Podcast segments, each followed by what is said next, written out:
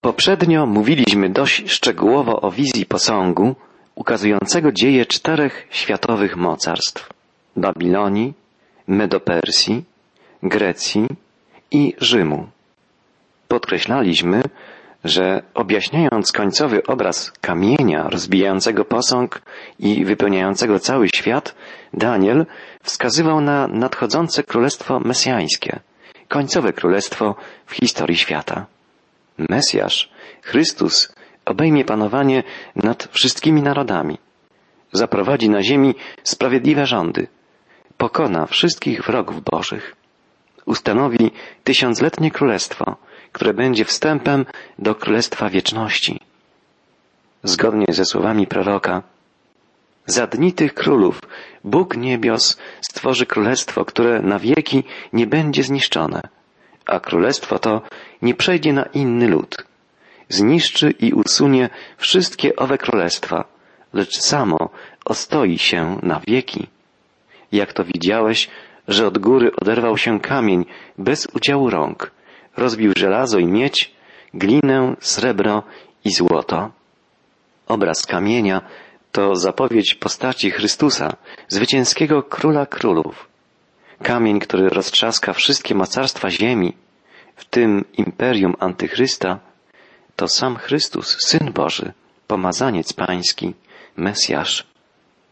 Wielokrotnie Biblia mówi obrazowo o Chrystusie jako o kamieniu, jako o skale, o poce. Sam Jezus, odwołując się do proroctw Starego Testamentu i zapowiadając nadejście Bożego Królestwa, zapytał uczonych w piśmie, czy nie czytaliście nigdy w pismach kamień, który odrzucili budowniczowie, stał się kamieniem węgielnym? Pan to sprawił i to jest cudowne w oczach naszych. I kto by upadł na ten kamień, roztrzaska się, a na kogo by on upadł, zmiażdży go. Te słowa Jezusa zapisane są w Ewangelii Mateusza w 21 rozdziale. Natomiast w liście do Koryntian apostoł Jezusa Paweł napisał, iż Chrystus jest skałą, fundamentem, na którym zbudowany jest Kościół. Tak, cała nasza teraźniejszość i przyszłość spoczywa na Chrystusie. Nasze bezpieczeństwo i przeznaczenie zależne są od tego, czy zwiążemy już teraz swoje życie z Jezusem Chrystusem, jako swoim Zbawicielem i Panem. Pewnej starszej, znanej z mocnej wiary osobie zadano pytanie, czy jest Pani pewna swojego zbawienia? Wyznaje Pani, że stoi mocno na skale, którą jest Chrystus, ale przecież nie może być Pani pewna, że tak będzie zawsze że żaden wstrząs nie spowoduje, iż pani z tej skały spadnie. Wtedy owa prosta kobieta odpowiedziała, ja mogę się chwiać na skale, na której stoję i często drżę, a nawet upadam, ale ta skała jest nieporuszona i nigdy nie zostanie usunięta spod moich stóp. Drogi słuchaczu, to jest postawa wiary, to zaufanie względem Chrystusa ufność, którą nie jest w stanie zachwiać żaden trud, żadne doświadczenie. Budować swoje życie na Chrystusie, to znaczy w Nim złożyć swoją ufność, z Nim wiązać plany na przyszłość, dzięki Niemu poznawać prawdziwy sens i cel życia. To jedyna postawa gwarantująca trwałe bezpieczeństwo, przynosząca pewność zbawienia. W Piśmie Świętym znajduje się wiele wypowiedzi ukazujących Chrystusa jako skałę. I to zarówno jako skałę zbawienia, jak i jako skałę osądu. Już w księgach mojżeszowych, w księdze powtórzonego prawa, czyli piątej księdze mojżeszowej, czytamy Porzucili Boga, który ich stworzył, znieważyli skałę zbawienia swego. W tym samym fragmencie, zwanym pieśnią Mojżesza, Bóg jest porównany do skały sądu. Prorok Daniel zapowiada, podobnie jak czynił to Mojżesz, że nadejdzie dzień, kiedy Bóg dokona sądu nad ludzkością, nad wszystkimi buntownikami, wszystkimi, którzy odmówili mu posłuszeństwa. Zwracając się do babilońskiego króla Nebukadnezara, Daniel wypowiada słowa Wielki Bóg objawił królowi, co stanie się potem. Boży prorok zapowiada tu nadejście Chrystusa, zapowiada Jego drugie przyjście w mocy i chwale, przepowiedziane także przez innych proroków Starego Testamentu, Izajasza, Zachariasza, Joela, opisane szeroko w nowotestamentowej księdze Apokalipsy. Czytamy tam i widziałem niebo otwarte, a oto biały koń, a ten, który na nim siedział, nazywa się wierny i prawdziwy, gdyż sprawiedliwie sądzi i sprawiedliwie walczy, a przyodziany był w szatę zmoczoną we krwi. Imię zaś jego brzmi Słowo Boże. I szły za nim wojska niebieskie na białych koniach, przyobleczone w czysty biały bisior. A z ust jego wychodzi ostry miecz, którym miał pobić narody i będzie nimi rządził laską żelazną. On sam tłoczy też kać wina zapalczywego gniewu Boga Wszechmogącego, a na szacie i na biodrze swym ma wypisane imię Król Królów i Pan Panów. To opis przyjścia Chrystusa wyjęty z Księgi Apokalipsy. Spójrzmy, jak zdumiewająco brzmią w tym kontekście słowa Nebukadnezara, wypowiedziane w odpowiedzi na proroctwo Daniela. Czytamy, potem odezwał się król i rzekł do Daniela, zaprawdę wasz Bóg jest Bogiem Bogów i Panem Królów. On objawia tajemnice, gdyż Ty mogłeś mi wszystko odsłonić. Pogański król, poruszony tym, że Daniel był w stanie opowiedzieć jego sen i wyłożyć go tak szczegółowo, dostrzegł w Bogu Daniela, potężnego Stwórcę i władcę wszechświata, Pana Panów i Króla Królów. Spójrzmy, jak zakończyła się ta niezwykła historia. Wtedy król Nebukadnezar, czytamy, padł na swoją twarz i oddał cześć Danielowi i rozkazał złożyć mu ofiary z pokarmów i ofiary kadzidlane. Nebukadnezar najpotężniejszy władca tamtych czasów, zwany też Nabuchodonozorem, zapomniał o swej godności królewskiej i runął do stóp Daniela, żydowskiego jeńca. Oddał cześć Danielowi jako prorokowi, ale przede wszystkim oddał cześć Bogu Daniela, jedynemu żywemu, prawdziwemu Bogu, który objawia tajemnice. Możemy tu dodać, że Nebukadnezar uczynił to po raz pierwszy, ale nie ostatni. Jeszcze kilkakrotnie ten pogański władca będzie musiał w zdumieniu i w zachwycie wołać o wielkości jedynego żywego Boga. I stopniowo w jego sercu będzie rodzić się coraz bardziej świadoma, coraz pełniejsza wiara. Czytając końcowe fragmenty Księgi Daniela, przekonamy się, jak wspaniałą i długą drogę przebył ten babiloński monarcha, tkwiący na początku w ciemnościach bałwochwalstwa, a na końcu chwalący potęgę i majestat jedynego prawdziwego, żywego Boga. Ale spójrzmy na zakończenie naszej opowieści zapisanej w drugim rozdziale Księgi Daniela. W końcowych wierszach rozdziału drugiego czytamy Potem wyniósł król Daniela na wysokie stanowisko. Hojnie go obdarował i powołał go na namiestnika całej prowincji babilońskiej i na naczelnego zwierzchnika wszystkich magów babilońskich. Lecz Daniel wyprosił u króla, aby zarząd prowincji babilońskiej powierzył Szadrachowi, Meszachowi i Abednegowi, a Daniel pozostał na dworze królewskim. Daniel został wyniesiony przez króla na wysokie stanowisko, ale nie zapomniał o swoich towarzyszach, trzech przyjaciołach, którzy zostali uprowadzeni wraz z nim do Babilonii. Teraz stali się oni zarządcami babilońskiej prowincji, a sam Daniel pozostał na dworze Nebukadnezara. Pełnił tam Daniel rolę doradcy króla. Z dalszej relacji księgi wiemy, że sprawował w Babilonii, najpotężniejszym wówczas mocarstwie, funkcję zbliżoną do funkcji dzisiejszego premiera. Był też kimś w rodzaju sędziego najwyższego. Zajmował pozycję zwierzchnika wszystkich mędrców babilońskich. Król Nebukadnezar często się z nimi widywał, cenił go i szanował i zawsze liczył się z jego zdaniem. Bóg był z Danielem, wiernym i mądrym sługą, tak jak kiedyś był z Józefem na dworze egipskiego faraona. Daniel był nie tylko prorokiem, ale też wielkim mężem stanu, mądrym i prawym przywódcą. Bardzo brakuje dzisiaj takich ludzi. Nie zapomnijmy, że powinniśmy modlić się o mądrych, prawych przywódców. Powinniśmy modlić się o wszystkich przełożonych, zgodnie z wezwaniem apostoła narodów. Napominam was, aby zanosić błagania, modlitwy, prośby, dziękczynienia za wszystkich ludzi, za przywódców i wszystkich przełożonych, abyśmy ciche i spokojne życie wiedli we wszelkiej pobożności i uczciwości.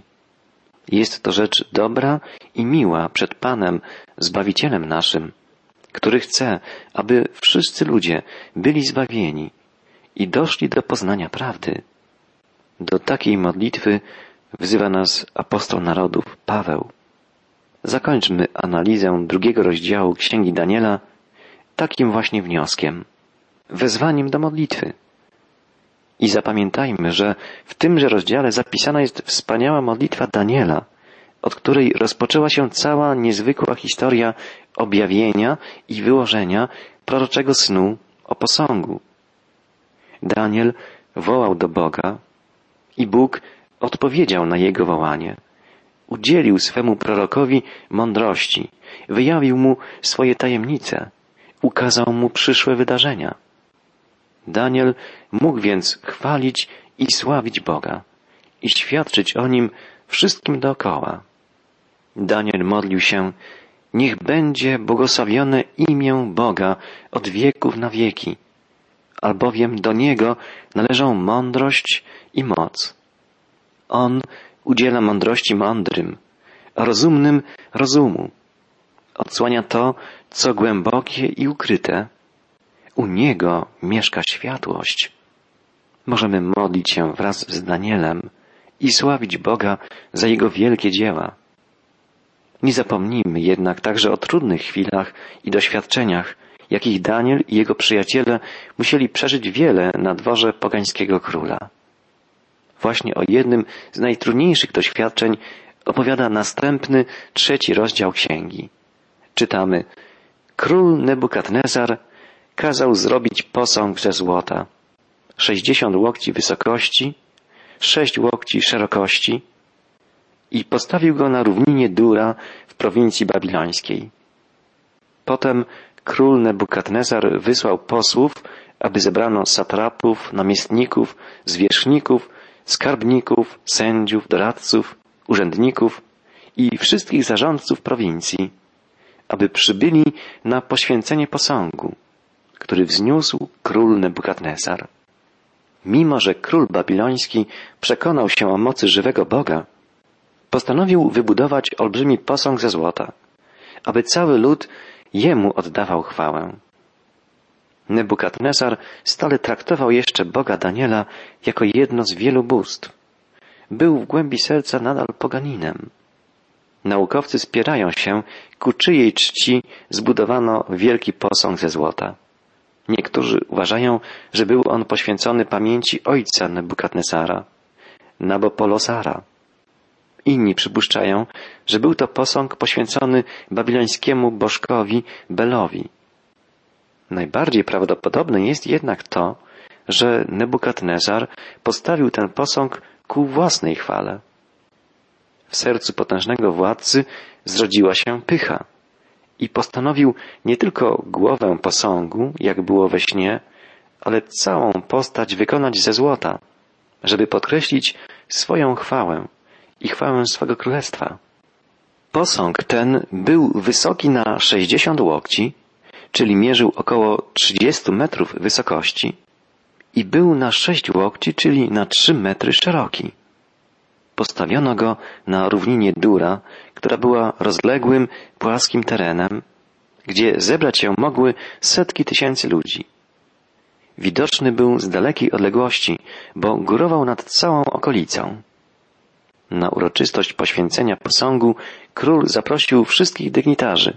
Jak czytaliśmy, król Nebukadnesar wysłał posłów, aby zebrano satrapów, namiestników, zwierzchników, skarbników, sędziów, doradców, urzędników i wszystkich zarządców prowincji, aby przybyli na poświęcenie posągu.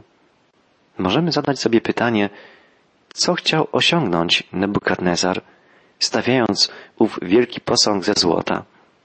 Miał na uwadze zapewne co najmniej trzy cele. Po pierwsze, chciał ukazać moc, potęgę swego królestwa. Po drugie, chciał podkreślić swoją własną potęgę, jako niekwestionowanego władcy, największego monarchy ówczesnego świata. Przypisał sobie boską chwałę, tak jak czynili to potem niektórzy spośród rzymskich cezarów.